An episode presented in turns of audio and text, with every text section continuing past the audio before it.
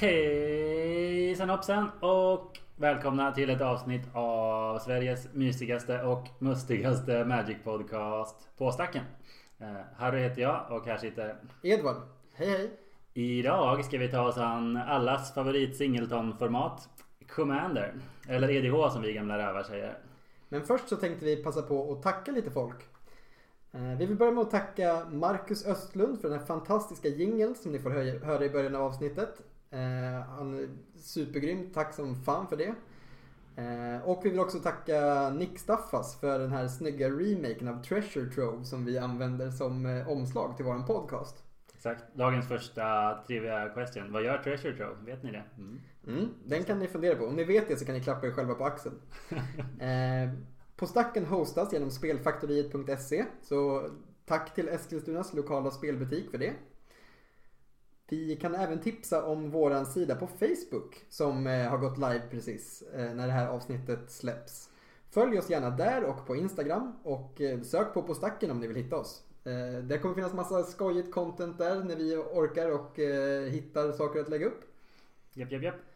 Och sist men inte minst, tack till alla som lyssnat och lämnat in feedback på avsnitt 1. Det är jättetacksamt och vi hoppas att det kommer märkas i det här avsnittet att vi har tagit åt oss av det som du har sagt. Exakt. Fortsätt med det, vi kommer behöva ert stöd för att det här ska kunna bli en ännu bättre podcast. Vi är verkligen överväldigade över att så många valt att kommentera. Verkligen, superkul. Så like and subscribe och allt det där. Men! Dags att snacka Magic helt enkelt. Yes, då så. Dags att dyka in i avsnittet. Och vi kan också nämna att upplägget är som så här. Att först så ska vi snacka lite om vad som händer i våra Magic-liv just nu. För att sen hoppa in i avsnittets tema. Och avsluta med allas favoritsegment Show and Tell. Där vi eh, båda lyfter upp en lite kanske quirky liten magic-grej som eh, vi eh, helt enkelt Vill dela lyfta. med oss av. Ja, men precis, precis. Jag tänker att jag kan börja med, med mitt Magic-liv. I mitt fall så eh, har jag precis börjat med Historic. Ett eh, steg som säkert flera av er redan har tagit men som blev... eh, Ja, det hände precis för mig. Exakt, Eternal-formatet på Ma- Magic Arena alltså. Ja, precis. Magic Arena där alla kort är legala helt enkelt. Alla kort som finns där. Japp.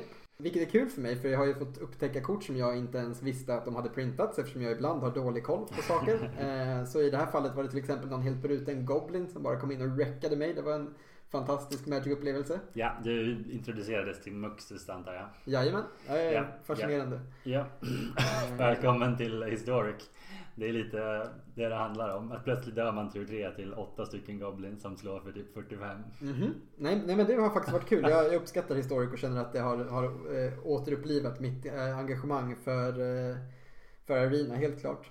Eh, dessutom så är jag förstås supertaggad på releasen av Zendikar. Eh, när det här avsnittet spelas in så sitter vi som dagen före julafton eller dagen före pre-releasen.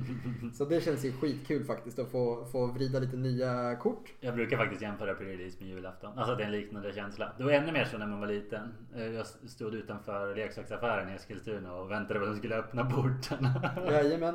Nej men jag tror de flesta som har varit på en pre-release vet, vet, ni vet precis vad vi pratar om. Ehm, och sen är jag jag är också väldigt förväntansfull på att se vad de här nya länderna slash spelsen, Ja. de nya flippkorten Ja. innebär för modden som jag spelar väldigt mycket. Kommer de spelas och i så fall i vilken utsträckning? Jag är rätt säker på att de kommer spelas men, men eh, jag tror inte att det kommer vara så omfattande som man skulle kunna tro. Utan det, min, Mm. min gissning är att det kommer ha en impact men inte en så stor impact som man kanske hade väntat sig. Det här kommer jag få äta upp, jag lovar. Men, eh, men det känns skönt att våga, våga vara lite konservativ. Och sist men inte minst så har jag väldigt mycket jobb just nu med vårat eh, tvåårsjubileum på Spelfaktoriet som är runt Ja. hörnet. Så det känns ju också, det är mycket roliga Magic-event där. Vi ska ha en sån Team Trios eh, turnering i modden. Vi ska ha ett jättespicy eh, Commander-event som jag tror att vi pratade om i Mm. första avsnittet. Ja. Och eh, ja, nej men det, det ska verkligen bli skitkul. Jag är taggad och eh, jag hoppas att vi kommer få träffa flera av er som lyssnar där. Men precis, precis. Ja, Jag, jag har också tänkt mycket på Zendikar Rising såklart. Eh, Jag har precis byggt klart min nya moddenlek också. Grönvita Defent Access med Eldrazi. Inte direkt tier 1 men en väldigt eh, rolig lek i alla fall. Alltså Mhm. den, eh, jag har alltid gillat Defent Access. Det Du fick eh, Take Her For A Spin ikväll också Japp. på den lokala modden-turneringen. stämmer bra. Det gick tillräckligt bra för att, för att vara fortsatt taggad i alla fall. Mm. Eh, Jag är glad att få spela med Ethervile igen. eh, Gammal Murfolk. lirare så. Det, Ja. det är en favoritkort for sure. Uh, och så, men jag är också riktigt taggad på Zendika Rising och jag kan inte sluta tänka på de här jävla länderna. Alltså modal double faced cards som det faktiskt heter. Jätteosmidig term. Men den officiella termen är modal double faced cards. Ja, M, äh, vänta nu. Modal, MDFC for short. ja. Jo men alltså helt ärligt. Det är ju igen att de typ kastar om en fundamental del av spelet. Alltså att ett kort kan vara både en spel och ett land. Att du liksom kan upptäcka ett land och det är inte ett land då. Eh, det är otroligt kraftfullt och du kan liksom köra En 60-kortslek kan plötsligt ha 45-50 faktiska kort med impact utan att manatorska. Det är helt crazy. Ja, det, det är väl här eh, man skulle kunna se att åsikterna går isär. För en annan skulle kunna påstå då att ja, visst, men hur många av de här korten passar faktiskt in i din gameplan? Eh, Jag tycker att många av dem inte ser så pushade ut på spelsidan. Att det känns som att du kan liksom låta dem ta över en för stor del av spelsdelen av leken. Utan jag tror vi kommer se, vi kommer definitivt se folk som spelar dem. Det inte- handlar inte om det. Nej. Eh, Jag är bara osäker på exakt i vilken utsträckning. Om du tänker typ på modden till exempel. Ett format som redan är väldigt hårt och pushat.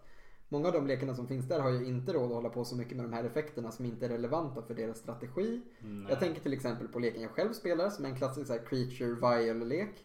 Eh, vad har jag för intresse av de här korten? Mm. Jag, jag vet inte, jag är inte säker. Nej. Jag tycker inte vi ska snöa in på det för mycket idag heller. Utan vi kan väl låta eh, proffsen leda vägen som vanligt. Eh, Medan vi själva sitter här och, och darrar hemma i Eskilstuna inför, som du säger, den här stora förändringen i Magic. Det är en big deal. Det är det verkligen. Ett tips till er som ska spela Limited med de här korten kom faktiskt från Magics e- egna Gavin. Eh, Jag råkade kolla på någon av hans de här eh, YouTube-sändningarna ganska nyligen. Mm.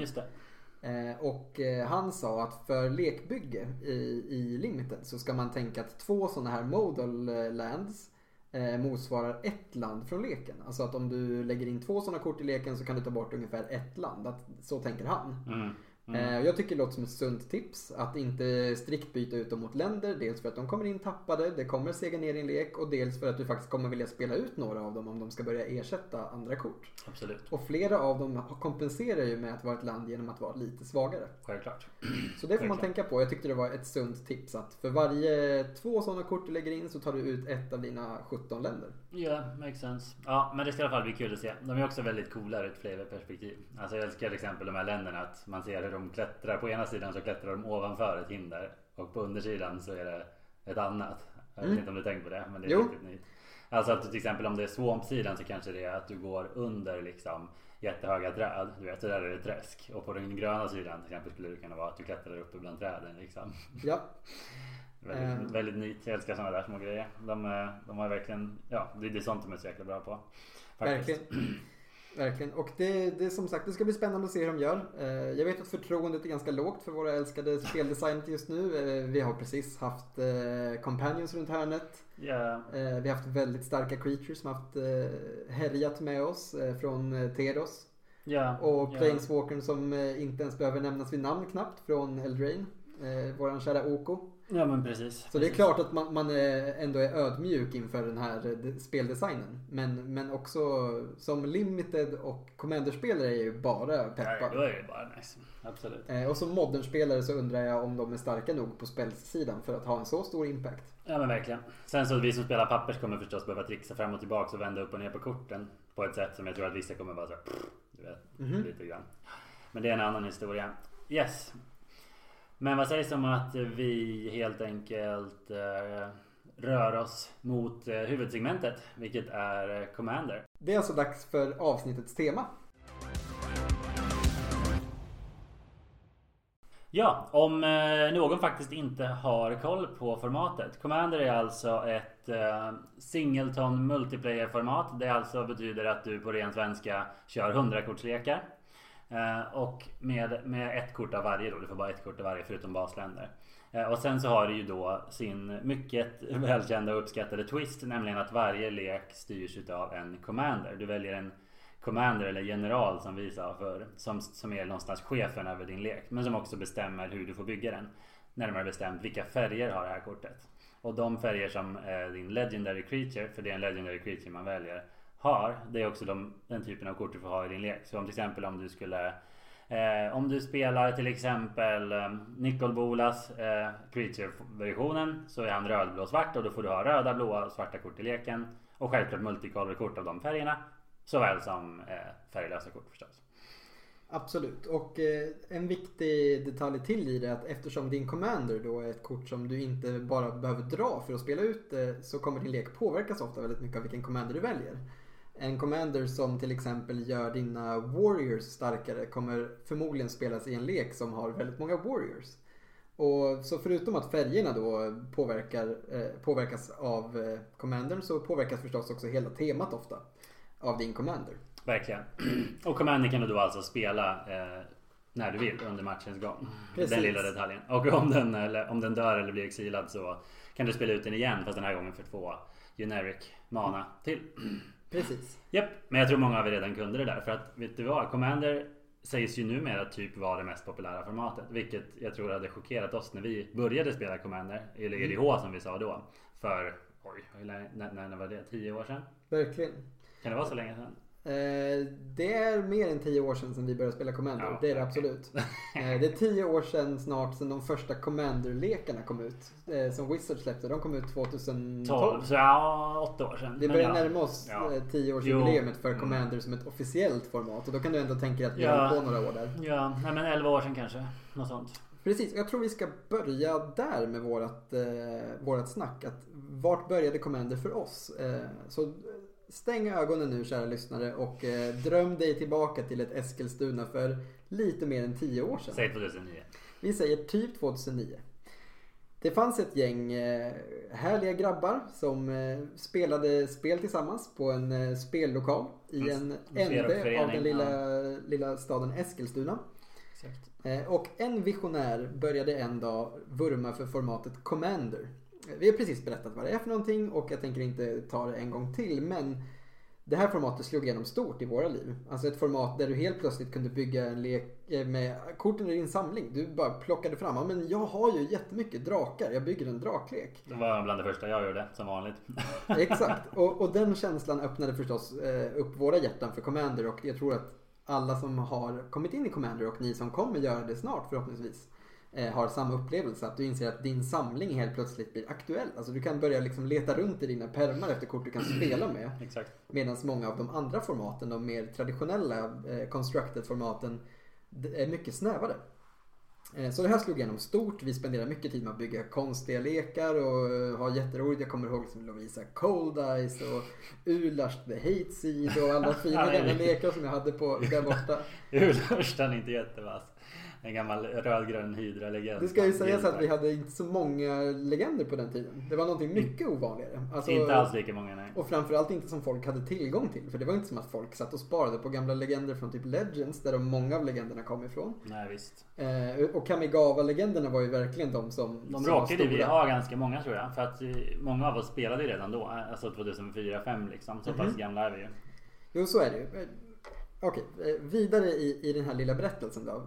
Vi, vi fortsatte spela och genom åren så kan man ändå säga att eh, Commander är det formatet som har följt oss mest aktivt. Alltså mellan andra svackor där man kanske inte har draftat lika mycket på Magic Online eller där man inte har spelat lika mycket eh, modern turneringar så har fortfarande Commander följt den som en, en röd tråd i Magic-livet de senaste, låt säga 12 åren. Ja men definitivt. Och jag tror det är mycket på grund av Det är någonting som jag tror är viktigt och intressant att prata om just här, Varför är det så stort? Jag tänker att du redan har kommit in på det rent, alltså lite ganska organiskt alltså det här med hur, hur, hur det känns för oss. Jag tror det är många som gör det.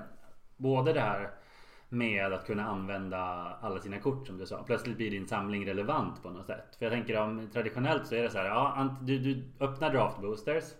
Du får en hög med common som är värdelösa och som du typ slänger eller lägger i en stor flyttkartong. som någon, typ jag. Eh, och eh, sen så bygger du en eller två lekar för att spela i turneringar i.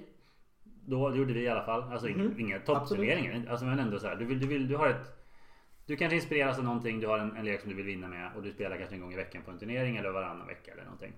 Men nu plötsligt så eh, så kan alla de här gamla eh, draftbomberna se spel. Alltså de här 7 7 för 7 Leviathan För att inte tala om draftjanket som Ja, till exempel alltså, så konstiga röda enchantment som aldrig har sett dagens ljus. Och sen helt plötsligt någon bara, jag ska bygga den här whack-leken som gör allting random. Nej men verkligen typ Possibility Storm och så här Exakt. Scrambleverse och de här to- tokiga röda eh, korten för så här 5, 6, 7, 8 mana som aldrig skulle gå att spela varken i draft eller i turneringar. Men plötsligt så kan de bara skaka om ett, ett commanderbord och vända upp och ner liksom. Mm. Eh, så det är ju riktigt härlig, härlig känsla och också det där att du kan gräva upp gamla kort som bara har blivit omsprungna. Det tror jag också är relevant. Alltså om du hade ett gammalt favoritkort som många kanske hade när man började spela. Eller antingen att det faktiskt var bra då eller att du bara gillade den så mycket. Alltså du kanske bara hade en känsla av att det här är så jävla coolt. Vad vet jag. Men ta typ så här. Jag, när jag var liten så minns jag eh, det var en kompis som hade en Kamal Pitfighter. Det här är alltså en från Odyssey. Jag vet inte om någon, det är en stenhård skitcool barbar med ett jättestort svärd. Eh, Det är alltså en, det är en 6-1 haste för 6 mana. Alltså två röda och fyra eh, av vilka du vill då. Eh, Och det är bara det liksom. Wow. Eh, Och sen kan han också tappa för att skjuta tre på vad du vill. Så han kan tappa för att volta. Eh, Och han ser riktigt stenhård ut. Men han- är ju... Var ska du spela den här killen liksom? Han är okej i draft. Dock är den 6-1 för 6. Den har inget sätt att skydda sig själv. Riktigt Nej. dåligt. Men plötsligt så sitter du med en... Kan du bara bygga en barbar tribal lek i Commander? Jag säger inte att det kommer vara bra heller. Men det är ju fullt möjligt och du kommer kunna smyga in en vinst eller två. Och det är klart du ska lägga in gamla Kamal liksom. Ja, Bara det att kunna här, köra sitt gamla favoritkort tror jag betyder jättemycket för många. Och, och, och det behöver inte ens vara ett gammalt favoritkort. No offense till de nya lirarna. Alltså bara ditt första booster du öppnade. Du kanske råkade dra typ en... Ja men vad ska vi ta? kanske... eh, Ja men... En eh, Vampire från Ixalan som är cool. Vad vet jag? Den här vitsvarta vampyren för fyra.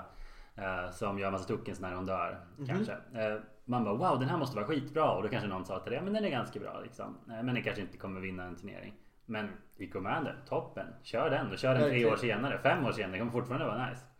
och samma sak som när man själv då vi som har spelat länge, du snubblar över någon skolåda som du gömde gamla Magic-kort i. Mm. Eh, för ett tag sedan kanske du tittat igenom den bara efter om det är något gammalt kort som var värt pengar eh, för att det börjat spelas i något format. Men numera tittar man igen men även för att hitta kort som kanske går in i någon commanderlek. Eh, vilket är en superskön twist för att de här gamla döda korten som inte passar in i tävlingsmagic Mm. absolut kan passa in i det här väldigt smakfulla formatet eh, Commander. Ja men verkligen. Och det är inte bara att du letar efter kort som behöver vara bra i formatet heller. För det tror jag vi kommer komma in på väldigt snart. Det kan också vara kort som bara är gamla ovanliga men väldigt viktiga för ett visst tema. Jag slängde till exempel ihop en Spider Tribal lek här för något år sedan. Och då liksom var jag tvungen att gå igenom mina lådor och bli glad när jag hittade en Penumbra Spider från Timespire. Liksom bara yes, här ska jag in. Till exempel. Chaos Draft Bomben, Penumbra Spider dock. Den är stabil som fan i limited. Verkligen. Riktigt bra. Giant Spider med sick upside. Exakt. Hur som helst. Eh, verkligen, så där är det. Och också någonting som jag tror du nuddade vid som jag tror är jätteviktigt för Commanders storhet och popularitet. Det är ju att det helt enkelt känns som köksbordsmagic. Det är så odramatiskt på något sätt. Det bara- Alltså, det är själv- självklart undantag. Men i allmänhet så just den här känslan av att så här, komma tillbaks till att det är ett sällskapsspel igen. Man sitter med sina kompisar, man snackar skit, man skojar. Det händer tokiga saker. Eh, Men det, det viktiga är liksom inte att göra ett optimalt... Du blir kanske inte jättearg på dig själv om du spelar fel. För att det är inte alltid det viktiga att eh, liksom komma loss och vinna. Utan en match kan vara minst lika rolig fast du åker ut. Så länge du fick göra din grej liksom. Så, Precis. Så, ja. Jag känner mig ofta som en vinnare när jag lyckas få någon att höja på ögonbrynen när jag spelar ut den fulaste fisken. Liksom. Edvard har alltså en eh, blåsvart eh, lek med massa sjömonster. Så, så här, massa Leviathans och Serpents och eh, Krakens. Och du har ju då också eh, den, den goda smaken att ha i många av de här riktigt gamla dåliga eh, Leviathans. Som, Absolut. som till exempel Leviathan själv helt enkelt. Magics or- original Emrakul. Yes. 1111. Ja, det är en horribelt dålig creature. Jag tänkte inte ens gå in på att förklara den. Ni får gärna kolla upp den om ni vill se någonting som... Det är helt obegripligt hur en creature kan få vara så dålig idag. Men, eh, vi är inne på någonting viktigt här, det här med, med köksbordskänslan. En annan sak som är klassisk för köksbordsmagic är ju att du bygger din lek själv. Alltså, i början när du kommer i kontakt med spelet så tror jag många upplever känslan av att du vill kombinera korten själv och bygga ihop en lek som verkligen är eh, präglad av dig. Mm. Men om du sen dyker upp med den eh, leken på en turnering så kommer det förstås vara uppförsbacke. För de lekarna är så himla vässade och de lekarna är verkligen byggda för, för att kunna vinna på de mest effektiva sätten. Till exempel om du tar en Spider Tribal lek i modern. Absolut. You're gonna have a bad time. Absolut, det skulle vara en, en horribel upplevelse. Garanterat. Eh, Prove us wrong, kära lyssnare. Men Nästa avsnitt, Top 10 Spiders. En, en, en timme om det bara. Vilka är de 10 bästa spindlarna i Magic? ja, det blir typ avsnitt 48 när vi börjar få riktigt, riktigt svårt. Men eh, tillbaks till ämnet. Eh, Jag tänkte bara nämna det här med att vi vi får möjlighet att uttrycka oss själva på ett sätt som är ovanligt i de andra formaten. Och Jag tror att det är också en av de stora nycklarna till varför Commander inte bara är folks Alltså varför man inte bara får bli förälskad i formatet utan också verkligen utveckla den här kärleken över tid. Mm. Där du, du får helt enkelt uttrycka dig själv genom Magic på ett sätt som är väldigt svårt i många andra format. Ja, verkligen, verkligen. Och där tror jag att det sättet vi spelar på, alltså i vårt meta eh, och, som vi har utvecklat liksom under årens gång, är ju faktiskt handlar ganska mycket om det. Det mest självklara sättet för mig i alla fall att göra sin grej är ju att eh, följa ett tema. Liksom. Mm. Eh, eller hur? Alltså att du har en idé med leken som inte bara handlar om hur du ska vinna så snabbt som möjligt. Eh, utan att du också har ett tema som du gillar. Det kan ju vara, alltså ni förstår ju själva, men det kan vara allt ifrån en viss tribe, det mest självklara kanske. Till att du har som du bara olika fiskar. Eh, någon annan kanske har, du skulle till och med kunna ha jag minns att jag en gång försökte bygga en, en lek som hade Lovecraft-tema. Så det var alltså kort i leken som påminde om, eh, som kändes som referenser till eh, H.P. Lovecrafts eh, liksom eh, Cthulhu-mytos. Mycket Eldrazi, mycket kort med folk som blir galna. ja, ja, exakt. Men den, så här, alla kort som heter någonting eh, med Madness och Despair liksom. Och, Verkligen. Ja, sådana saker. Brink Och- of Madness tror jag finns, den är riktigt dålig. Det här för oss utsökt in på ett annat spår rörande Commander, nämligen Power Level.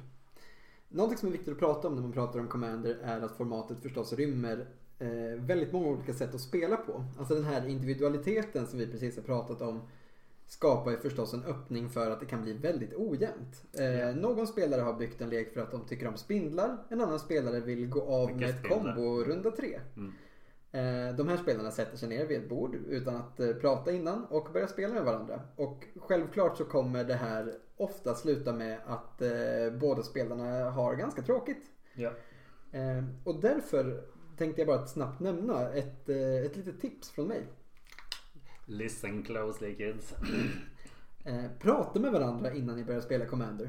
För eh, det finns väldigt mycket att vinna på det. Om din lek är en lek som du förväntar dig ska vinna och göra sin grej någonstans runt eh, runda 4-5.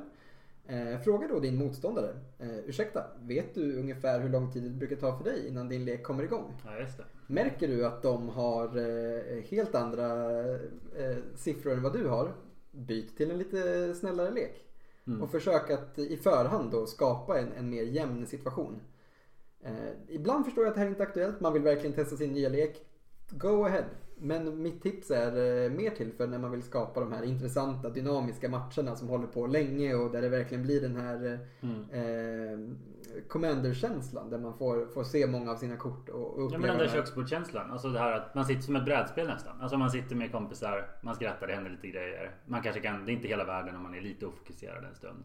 Eller hur va? Alltså, och det där är ju verkligen så viktigt att ta upp för att jag tror att en av de, ja, men de bästa sätten att misslyckas eller så här, ha tråkigt med Commander är just det där när du har en olika inställning. För att man kan ha så olika inställning. Mm. Eh, Och kanske kan man ha flera. Du, du tänker att det kanske till och med är det bästa. Att du har en lek som är riktigt optad. Alltså som är competitive. Medan du har en massa andra som inte är det. Eh, För att det blir nästan som att spela helt olika format. Eh, Ja. Och det är också flera som har gjort det. Alltså det här hela idén med CEDH, alltså Competitive Commander. Vilket har blivit eh, men en term som många känner till, eller hur? Mhm. Och eh, det ser vi mer och mer. Eh, jag som håller lite koll på vad som händer runt om i Magic-världen ser ju att många arrangerar turneringar i, i Commander. Vilket Mm. kanske för mig och det sättet jag spelar på känns helt främmande. Men eh, uppenbarligen inte för alla. Många uppskattar det formatet och tycker att det är jättekul. Mm. Och det är just det, du, du sa formatet nu och det tänker jag är rimligt för att det känns som ett annat format. Igen, alltså så här att om man tittar, jag, jag faktiskt, jag följer en YouTube-kanal, tror den heter typ så Playing with Power eller någonting. Där det är alltså Mhm. ett sällskap, jag tror det är samma personer varje gång. Jag har inte kollat överdrivet många videos som spelar competitive EDH helt enkelt. Och då filmar de sina matcher. Eh, Och det går, det är ju, det går ju undan, det händer ju rätt sjuka grejer liksom. Ja. Eh, Och det är ju väldigt mycket Ja, men det påminner väl lite om Legacy Vintage i den mån att det är väldigt mycket gratis spels. Alla spelar Force. Force of Negation och Force of Will. Alla du spelar till och med Mental Misstep. Alltså så här, grat, billiga gratiskontringar, mana-ramp, För allting combos. händer under Ja. 1 och 2 och 3. Ja, men nästan så. Det är liksom det är kombos, det är mana-ramp och det är kontringar typ. Det är liksom nästan allt. Och, Ja. ja. och självklart inga monovita lekar typ. För det är bara, det går liksom inte. Alltså det, det, det är för dåligt bara. Och inte så mycket tema. Inte så mycket tema här. Nej men så, så det blir som ett helt annat format. Och därför blir det så konstigt när man sätter sig. På samma sätt som att någon skulle komma. Ja men någon kör bara, vad vet jag. Men om man spelar en standardlek mot en legacy-lek. Det blir också weird. Det är inte så kul. Absolut. Och jag tror att det vi, vi pratar om här, eh, om ni lyssnar på det här avsnittet och hade förväntat er eh, hot takes på eh, competitive eh, commander så kan ni stänga av nu. Alternativt bli inspirerade och testa någonting annat. För det är inte vårt fält. Eh, vi, vi är mycket mer inne på, på den här eh, uttryck dig själv och upplev Magic på ett annat sätt. Jag tror verkligen att det för oss i alla fall så är det det Commander är. Eh, Men uppenbarligen finns det andra sätt att spela på. Oh ja, oh ja. ja verkligen. Och, och igen, bara för att förtydliga. Alltså det handlar inte om vad som är rätt och fel. Det handlar bara om att så här, se till att kanske hitta en playgroup som tycker om att spela på det sättet du gör. Ja, precis. Eh, och om du inte gör det så kanske var lite chill och typ tona ner din lek lite. Och sluta krossa de här kidsen. Ja, och förstöra Eller deras oss- game night. Eller liksom. oss gamla gubbar. Alltså det har hänt Ja. mig, ska jag säga, Väldigt- smärtsamt många gånger att det är the kids som eh, kombar ut mig när jag är upptagen på att försöka reanimata Leviathan. du har rätt. Det är väldigt sant. Ja, ja. Nej, men med det sagt så för att kanske fortsätta snärja över fler folk på vår sida. Vad, vad, tycker, vad har vi för roliga exempel på allt som är nice med vårt sätt att spela? Vad, vad är din favoritlek till exempel? Det kanske säger något. Mm, bra fråga. Jag hade en riktigt knasig lek för några år sedan som jag brukar kalla för syndartåget. Det är lite spicy koncept här men eh, Oh boy. Så jag hade ungefär eh, 60-70 kort som var liksom kärnan i leken. Det var 40 länder och andra manakällor och sen var det ett 30-tal kort som handlade, alltså det var änglar, eh, kort som gick ut på att straffa syndare. Typ eh, Burn at the Stake var med i leken fast att den förstås inte alls passade in liksom, i någon slags eh, Ja. mekaniskt Här tema. snackar vi verkligen all in tema alltså. Verkligen. Och, och det handlade alltså om att de här änglarna var på väg att släpa ett gäng syndare ner till helvetet. Så då kommer frågan, vilka var syndarna? Eh, jag hade en eh, slivad pile bredvid leken då, förutom de här 70 korten, som jag blandade innan varje match. Och sen utan att titta på dem så blandade jag alltså in 30 stycken slumpmässiga syndare. Tänk er horribla vita, röda och svarta spells från eh, Magics historia. Det kunde vara allt ifrån någon jättedålig eh, gammal, vad heter det, mercenary från eh, Duacom. Ja, men för Mercadian Masks. Eller Precis. varför inte kortet Mercenaries? Vet du vad den gör? Den, Den jag vita, lovar att den var med. vita. Ja, ja, ja, men, Ja, ja. Alltså okej, vi måste faktiskt säga det för det är så hysteriskt. Alltså Mercenaries, det är ett kort från, jag tror det är Ice Age. Eh, Det är Ja. alltså en 3-3 eh, för 4, en vit. 3 och en vit. Okej, så det är en Hill Giant. Som man säger, alltså 3-3 4. Man bara, Okej, det här är väl fine. Men den har också en downside. För när den connectar till motståndaren så får de om de vill betala 3. Och i så fall så gör den ingen skada. Så den typen av kort kunde ligga i din lek. Det fanns förstås några bra syndare, så starka demoner och sånt som änglarna också skulle släppa till helvetet Ja, om du hade det, tur och drog dem. Men eh, oftast så fick du liksom dra dina putrid imp. Den är, planen var liksom att man skulle se på kortet, på arten på kortet, eller i namnet väldigt tydligt. Alltså, det, här är, Ful det liksom. här är någon som har gjort bort sig liksom, och nu ska de till helvetet. Det är inget, inget mer med det. Ja, ja. Eh, det, med åren tror jag, under de åren jag hade leken så blev liksom de här 70 korten lite starkare successivt Mm. för att väga upp för hur pissigt det var att spela med sina 30 liksom riktiga skit-creatures. Ja. Så leken blev okej ofta och jag, jag vet att jag har vunnit några matcher med den. Men för mig så var det skitkul att spela den och det var verkligen, jag kände när jag byggde leken, kanske mer då, att det var skitkul för att jag verkligen fick leva ut min den här passionen av att skapa någon slags konstverk nästan. Ja men exakt. Tänk bara känslan av att säga okej vi har 20 000 Magic-kort att välja på. Eller vad det nu är nu för tiden. Mhm. Och det är det att hitta de kort som är fulast och sämst. Och ser ut som att de förtjänar att dras ner i helvetet så fort som möjligt. Då har ni min lek Ja. eh, i ett nötskal. Fantastiskt. Men du måste bygga ihop den igen.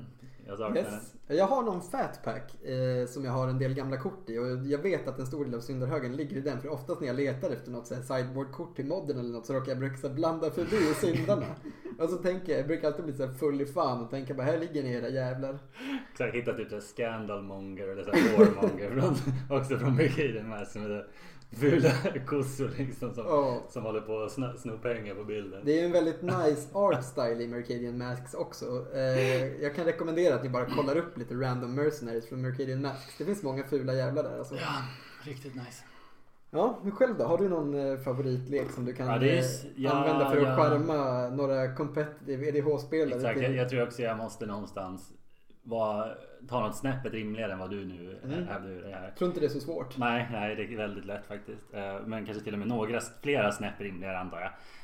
Eh, Alltså jag gillar ju också, så jag har ganska så här fantasilösa lekar som typ så här Dragon Tribal, Zombie Tribal och Goblin Tribal. Men det som är kanske unikt eh, för min variant är att jag inte är så intresserad av att hitta de bästa i varje.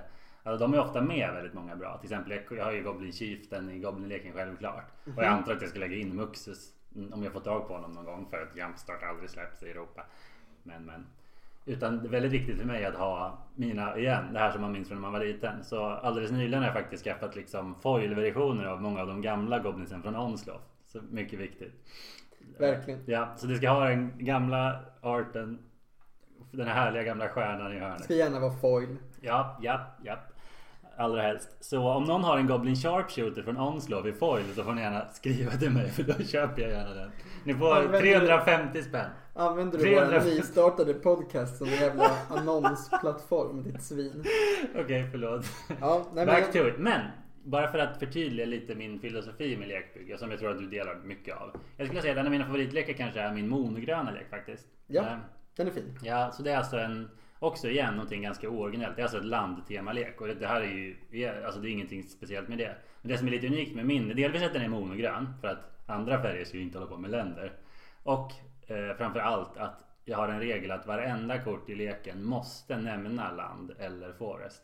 Så man får inte ha solring i leken till exempel. Utan Nej. du får bara ha länder som, eh, kort som faktiskt hämtar länder eller tappar upp länder. Och alla mina, jag får inte ha så stora bra creature som vad vet jag, till exempel skulle jag inte kunna lägga in Elder Gargaroth Eller från Crater, M21. eh, Eller Craterhoof, absolut inte. Craterhoof Behemoth, sådana här klassiska gröna IDH-staples. Utan mina gröna tjockisar måste vara, ha med länder att göra. Så Du får däremot spela Avenger of Zendikar. japp, japp, den är med tror jag. Mm, vilket ändå säger lite om ditt sätt att bygga lekar på. Alltså, du Sant. väljer ett tema, du går väldigt all in i temat. Men du, har, du skäms inte för att du försöker göra det bra inom ramen för ditt tema. Nej, det är sant. Det har ju varit mycket tjafs liksom, i vår grupp när vi andra har verkligen byggt så här riktigt horribla lekar och tyckt att det varit askul. Mm. Medan dina lekar fortfarande har haft en del push i sig. Jo, för att du sant. gillar ändå det här synergiska spelet och du har Visst. inget emot det riktigt. Så, så vi, man har ju ändå blivit utkombad av några av dina lekar ibland och blivit sur där när man sitter med sin, sin pissiga syndarlek och funderar på så här, vilken demon ska jag släppa iväg till helvetet idag? Mm, mm. Nej men verkligen. Till exempel så här om du tar,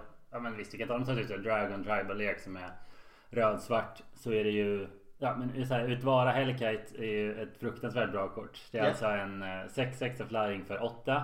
Som säger att varenda gång en drake attackerar eh, så får du en 6-6 draktucken. Och det är alltså inte varje gång en gnome token drake attackerar. Så det flippar väldigt snabbt. Du kan ofta Ja. få när du spelar ut den kan du inte sällan få liksom 18 power och rundan efter vinner du liksom. Eh, och det är ett kort som jag inte kan låta bli av min draklek för att den är cool och väldigt bra. Men där du kanske tycker så här att okej den är tema men du borde kutta den för att det är för bra. Precis, men eh, jag tror att de flesta av oss, även vi som bygger väldigt tematiska lekar, har sådana kort som vi verkligen tycker är nice att ha i leken för att det är de som gör att vi faktiskt får vinna ibland. Fast Ja. att våra lekar är väldigt tematiska. Ja, och det här är ju också bra att vi, nu kommer vi till den punkten att man faktiskt erkänner att det är kul att vinna också. Oh, alltså det är också roligt att komma ihåg att vi spelar ju competitive magic vid sidan av att vi har våra dumma commander-projekt. Det är inte så Oh, att vi är rädda för att försöka vinna.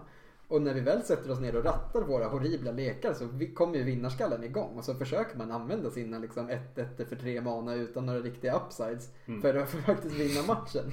eh, vilket är kul. Det blir en utmaning i sig. Alltså det är Just det. verkligen. Och apropå att ranta lite. Om det är någonting jag faktiskt stör mig på ibland i vissa playgroups är det folk som inte försöker vinna fast de har en edge typ. Det händer ibland. Alltså man, någon kanske inte kan bestämma sig vem de ska attackera.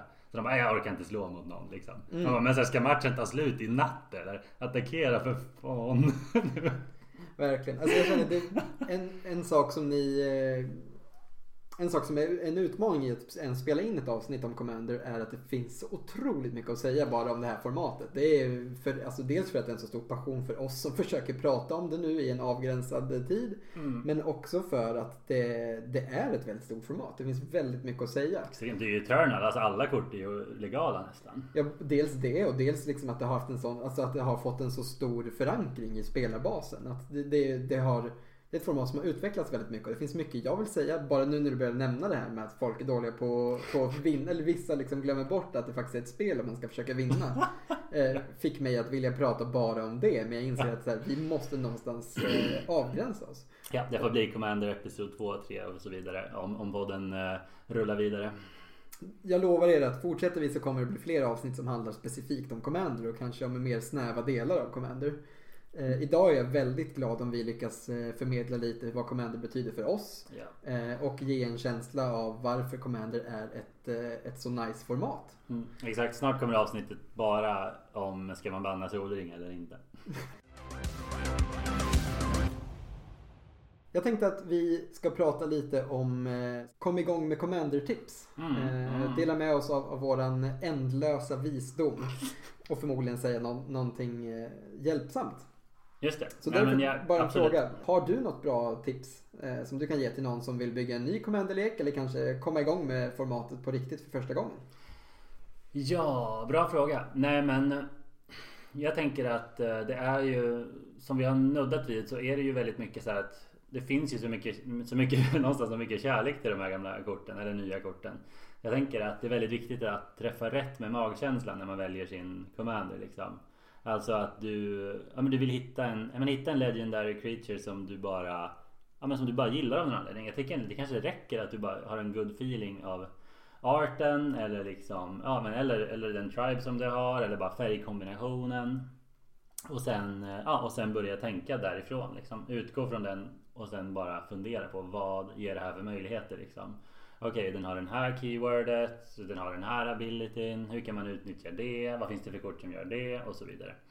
Eh, Så just att låta kreativiteten just verkligen strömma från eh, Ja men utifrån legenden. Som är ju, igen, jag tror att det är en av de sakerna som gör formatet så populärt. Just att du har den möjligheten. Liksom. Jättebra tips. Eh, jag tänkte säga en lite annorlunda sak. Jag tror det låter lite på oss som att vi eh, vi tycker att det finns ett rätt eller fel kanske i hur man ska spela Commander. Även om vi har sagt att här, alla ska göra sin grej. Jag vill verkligen understryka den, den delen i det. Alltså för oss som har spelat ett format i 12 år, vilket i- just när det kommer till Commander faktiskt är väldigt länge. Alltså kanske ända sedan starten av, av, Nästan, av det ja. populära Commander. Eh, det är lätt för oss att sitta och säga att det här är ett bra sätt att spela på. Men vi har också haft oförskämt god tid på oss att hitta ett sätt som passar för oss.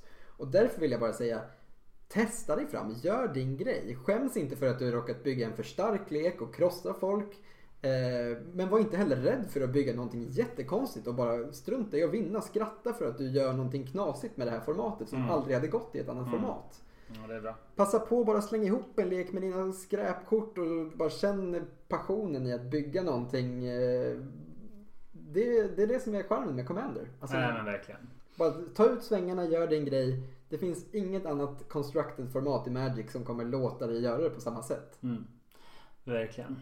Ett till tips jag kan kasta in som är väldigt mycket mer hands-on är nog så här. Glöm inte sweepers och glöm inte mana-ramp. Alltså du, alltså, om du kan, eh, vilket du alltid kan, alltså spela mana-ramp. Jag själv måste liksom, det är så många fina kort jag vill ha med i leken. Så eh, att jag liksom bara, jag kan väl, kan väl kutta en manasten. Du vet, äh, Warren Powerstone, behövs den verkligen? Så oftast jo, jo, den Ja. behövs. Eh, och, bra ja, och det andra, sweepers. Jag kan verkligen så här, sitta vid ett bord eh, och spela och så här bara man ser att det ballar ur, någon har gjort någonting jättebrutet. Och jag tittar på två av de andra i, i, i podden och bara så här. Ni är båda vita. Ni spelar vitt båda två. Så jag vet, ni kanske kan lösa det här. Alltså, ni kanske Ett har... kort, ett kort som tar bort allting i spel helt enkelt. Exakt, ni kanske har Akromas Vengeance eller Hour of Revelation eller någonting som förstör allting. För att vitt är det kanske är det enda vitt gör riktigt, riktigt bra i Commander. Ja. Vitt har fått mycket hat i allmänhet, men i alla fall. Så de två sakerna tänker jag så här. Hur fint ditt tema än är och hur många du, du kort du än vill rymma. Glöm inte ramp och glöm inte sweepers. Mm. Och då passar jag också på att kila in ett sista tips där. Som är eh, om du känner att du börjar spela mot folk som gör mycket brutna och starka saker. Testa att lägga in lite mer eh, kontringar och removals i din lek. För det kan vara ett väldigt bra sätt att hantera det. Verkligen. Eh, Du kommer inte på egen hand kunna besegra en jättestark lek med det. Men tillsammans med dina medspelare, om din lek sitter på en del av lösningarna. Så kanske ni tillsammans kan ta ner den här besten som håller på att förstöra era liv match efter match. Nej men visst är det så. Och det är faktiskt intressant att vi inte har, har nämnt det. Men det är också en fin grej med Commander faktiskt. Det kan vi kanske ha som en avslutande sista fin grej. Nämligen att eh, det finns lite karma i det. Alltså att om du gör någonting som är för bra och tråkigt så har du faktiskt tre motståndare att hantera. Om man kör en fyrmannapodd, vilket är vanligt liksom. Själv, Ibland kör man tre manna, ibland kör man fem. Ni fattar. Eh, men till exempel om det är en vanlig fyrmanna, då är det så här. Okej, eh, någon håller på att balla ur men tillsammans, tre personer som ger sig på den. Eh, eller om du är irriterad någon, du kanske gjorde någonting lite väl taskigt tur två eller någonting. Snodde, tog kontroll över deras solring eller någonting. Så kommer du bli straffad för att vi är alla människor och liksom, du har möjligheten att slå vem du vill. Och sen plötsligt så har den där spelaren som spelade en mycket, mycket bättre lek åkt ut först. För att ja, de provocerade alla andra för mycket. Ja, nej, så och är det, det. det, finns ju någonting, det är någon här mob justice eller någonting. Absolut. du, du, du, you angered the people liksom, time to pay. Verkligen. Det, det är en av anledningarna till att Commander funkar så pass bra. Att vi tillsammans kan balansera ut när det blir lite ojämnt. Japp. Mm. Fin, fin eh, avslutning på, eh, på avsnittets tema känner jag. Exakt, så shuffla upp din lek va och eh, sätt dig vid en commanderpodd när du får chansen. Och så eh, hoppar vi över till eh, vårt avslutningssegment, eller hur? Det gör vi. Show and Tell är alltså vårt absolut mest eh, genomtänkta och populära eh, segment i, i podden. Nio av tio tandläkare, lyssnare älskar det här segmentet. Det går ut på att vi får ta upp precis vad vi vill, varsin sak. Ja, Eh, Jag tänker att jag kan börja idag. gärna. Min show and tell idag är ett kort. Jag har eh, valt ett av mina absoluta favoritkort. Eh, Som för, säger förmodligen mycket om mig som spelare. Eh, Jag tänkte prata lite om Blood Moon. Det här eh, kontroversiella enchantmentet från, är det The Dark? Ja, bra där, det stämmer. Eh, ursprungligen från The Dark, reprintat nu säkert 15 gånger eller något sånt Ja, i typ. tre olika arts. Typ så, när jag skaffade mina så var de fortfarande säkert 300 spänn. Men nu är de rätt billiga så passa på. Yes. Så vad är Blood Moon? Jo, det är en eh, röd enchantment för en röd och två färglösa. Den eh, säger att alla non-basic lands i spel är mountains, period. Precis. Så inte att de är mountains utöver, utan de förvandlas till berg och gör numera bara röd mana. Japp. Eh, Det här kortet har ju absolut mest impact på modden. Ja. Eh, Det har inte jättestor inverkan på ett format som Legacy vad jag vet. Utan det är Jo, faktiskt. Eh, Den spelas i Legacy. Det gör den. I Monoröd Prison där. Mm. Eller Dragon Stumpy som den heter. Men, men man kan ändå inte säga att det har lika stor Nej. inverkan som det har på, Du har rätt. Det är ett väldigt, väldigt modern, modern kort. verkligen. Så det, effekten det har fått på modden är att lekar som vill eh, spela väldigt många färger har ett eh, ständigt problem. Nämligen att motståndaren kan eh, skicka ut en Blood Moon. Och din lek som behöver tillgång till kanske tre eller fyra färger kan helt plötsligt mest producera röd mana. Japp. Så när du ser att din motståndare spelar rött så måste du varje gång överväga när du till exempel fetchar om du verkligen kan hämta ett chockland. Mm. Eller om du måste hämta ett basic.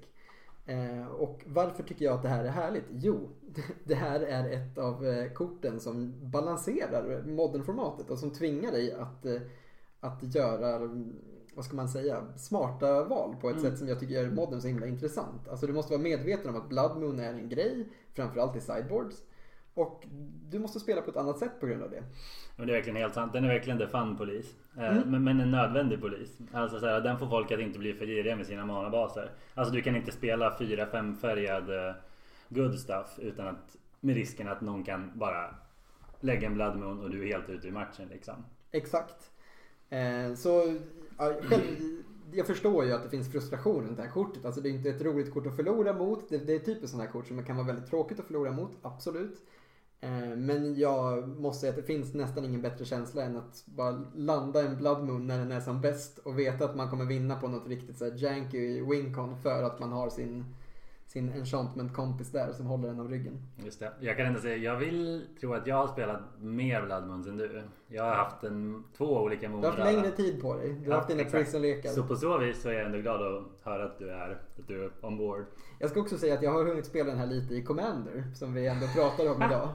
Eh, Det finns få kort som väcker så eh, mycket frustration som i Commander. Commander är ändå ett format där många ofta väljer att spela väldigt giriga manabaser eh, för att Sure. kunna få ut sina flerfärgade creatures. Sure. Atraxa och kompisarna. Exakt. Eh, inte alla, det finns förstås undantag. Men jag bara menar att det är, det är ett kort som många blir väldigt upprörda över när det kommer in i spelet. Och förvånade. För att Och det är förvånade. inte alla som spelar så här lockpieces eller stacks-delar. Alltså sådana kort som gör att det blir svårare att spela, spela spels liksom. Yes. Ehm, jag gör det inte längre ska sägas. Jag, jag, det finns gränser till min sadism så. Men, men eh, En, en allra sista fin grej med det är ju faktiskt att där är också en form av, då blir det en slags polis i Commander också. För att gissa vilken lek som plötsligt har en väldig advantage. Det kanske är den monovita leken med massa planes. jajamän, Bryr sig inte ett skit om Blood Moon. precis. Nej, precis. Det är inte bara de monoröda spelarna som kan hante- hantera en blandning utan alla som spelar monofärgat spelar ju mycket basics. Japp. Ja, eh, och, och, och en sista kommentar på det. Även de billiga lekarna för folk som inte liksom har hunnit lägga in alla alltså här, nybyggda lekar som fortfarande har mycket basics. De kommer klara sig bättre genom en Blood Moon. Japp. Vilket ändå är lite så här rättvisa på något sätt. Medan någon annan som har klämt ut lite original duels sitter där och undrar varför deras mountains inte kan casta någon Atraxa. Exakt. That's a nice Gaia's Cradle du har där. För 4000. Också känt som mountain. Exakt. Nice one. Ja. Gött. Eh, Jag tänkte, då passar det nog att jag tar någonting helt annat. Mm. Jag hörde, och verkligen helt annat. Du har ju börjat spela lite mer Arena hörde jag, vilket är kul. Eh, Du har Ja. inte kört så mycket genom sista tiden, eller hur? Eh, Nej. Nej, precis. Jag hade en liten så standard-era under Mm. Eldraine. Okej. Eh, sen har jag pausat, skulle man kunna säga, fram tills jag återupptäckte Historic nu bara för några dagar sedan. Just det. Eh, jag tänkte prata kort om pets på Arena. Jag tänkte på det för att jag såg en, en Reddit-inlägg som var bland det dummaste jag sett på länge. Och det visade sig att eh, jag använder också den petten faktiskt. Det, i, på Magic Arena är det som så att du kan låsa upp PETs. Så det betyder alltså att det är ett litet djur, ett gulligt djur som hänger på din sida av spelbrädet. Som bara, ja vad ska man säga? Alltså, det, det är som en liten, ja men kosmetisk liten touch eh, som du kan visa upp. Hur, igen visa upp vad man gillar, hur man är och någonting att titta på medan du väntar på att din sega motståndare ska passa turen. Eh, och eh, då är det tydligen så att ehm, i Magic Corset 2021 så finns det ett pet, den sista man låser upp. eh, Som är en fluffig vit vovve, en hund med eh, fjärilar runt sig. Och den ligger på en liten gräsplätt. Ja, Och tydligen då är det så att eh, den är så stor så att den, den tar så mycket plats på brädet. Så att om du har ett riktigt stort eh, board of creatures, kanske 15 stycken. Så är det vissa som typ kan hamna under hunden.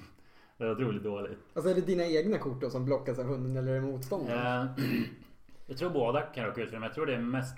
Jo, det, den här personen som visade det att motståndarna attackerade med ett jättestort eh, bräde. Säg typ 15 goblins kommer attackerande. Och en av dem ligger under den här vovven. Så du kan inte blocka den? Exakt. Åh nej! Så du kan inte klicka dig upp till den. Helt plötsligt har vi lite pay to win i Magic. Ja. Och vilket pet du använder kan spela roll för dina matcher. Wow! Så det, det måste den verkligen göra någonting åt. Och det är väl en nackdel med digital Magic. Men annars så tänkte jag använda, säga något positivt om Pets också. Eh, och det är ju att jag minns när Hearthstone kom. Alltså Mm. det här väldigt populära eh, samlarkortspelet från Blizzard. Som har tagit en och annan inspiration från Magic kanske. Det kan man Eh, lugnt påstå. Det kan man lugnt påstå. Och jag minns när jag startade det första gången så fastnade jag mycket just för att det var så snyggt och modernt. Alltså att man kunde trycka på blommor. Man skulle till och med kunna mena att det fortfarande är en bättre UI än det ganska nya fräscha arena. Ja, förmodligen. förmodligen. Eh, Men så, alltså, så när jag, jag minns när jag spelade Hearthstone så en sak som gjorde att jag fortsatte spela det var just att det var så mycket modernare än Magic Online. Alltså det går inte, alltså, det är löjligt när man sätter dem bredvid varandra. Och i en sak som Hearthstone hade var att det hade på brädet bredvid korten så var det små grejer du kunde klicka på. Och det tror jag är något väldigt mänskligt att man bara vill klicka på saker. Oh, jag klickar på en blomma, den, den rör på sig. Oh, jag klickar på en liten insekt, den mosades. Och så vidare. Ja. Och jag bara så här slänger in här hur tydligt det är att Magic Arena i sin tur har härmat Hearthstone. För att det är exakt samma sak i Arena. Det finns en massa saker på brädet som du kan klicka på. Alltså om det så väl är en svamp eller lite sand. Ja. Eller, ja. Och like it or hate it men det gör det ju bara lite mysigare att spela. Eh, så det är ju det är klart vi ska ha pets liksom. Det är rimligt. Ja. Men kanske se över hur de funkar så att de inte står i vägen för attackers. Ja, det var, det var, min lilla grej. Så gå in på Magic Arena och passa på att byta vilket pet ni har och se till att rasta hunden. Så ja. att ni kanske kan blocka någon eh, Goblin som försöker smita igenom på högerkanten. Exakt. Jag tror dock inte att ni vill ha den som man får i Zendika Rising som är bara en ful liten stengubbe. Jag tror inte den kommer vara en av de mer populära. Väldigt ogullig hittills. Ja. Så är det. Stengubbar, vovar, bloodmoons och massa commander. Det får väl kanske räcka för oss den här gången. Jag tycker det och vi vill passa på att tacka er så mycket för att ni lyssnar på våran podcast. Vi tar jättegärna emot mer kritik. Vi eh, strävar efter att bli en ännu bättre podd. Och eh, tills nästa avsnitt då. Resolved!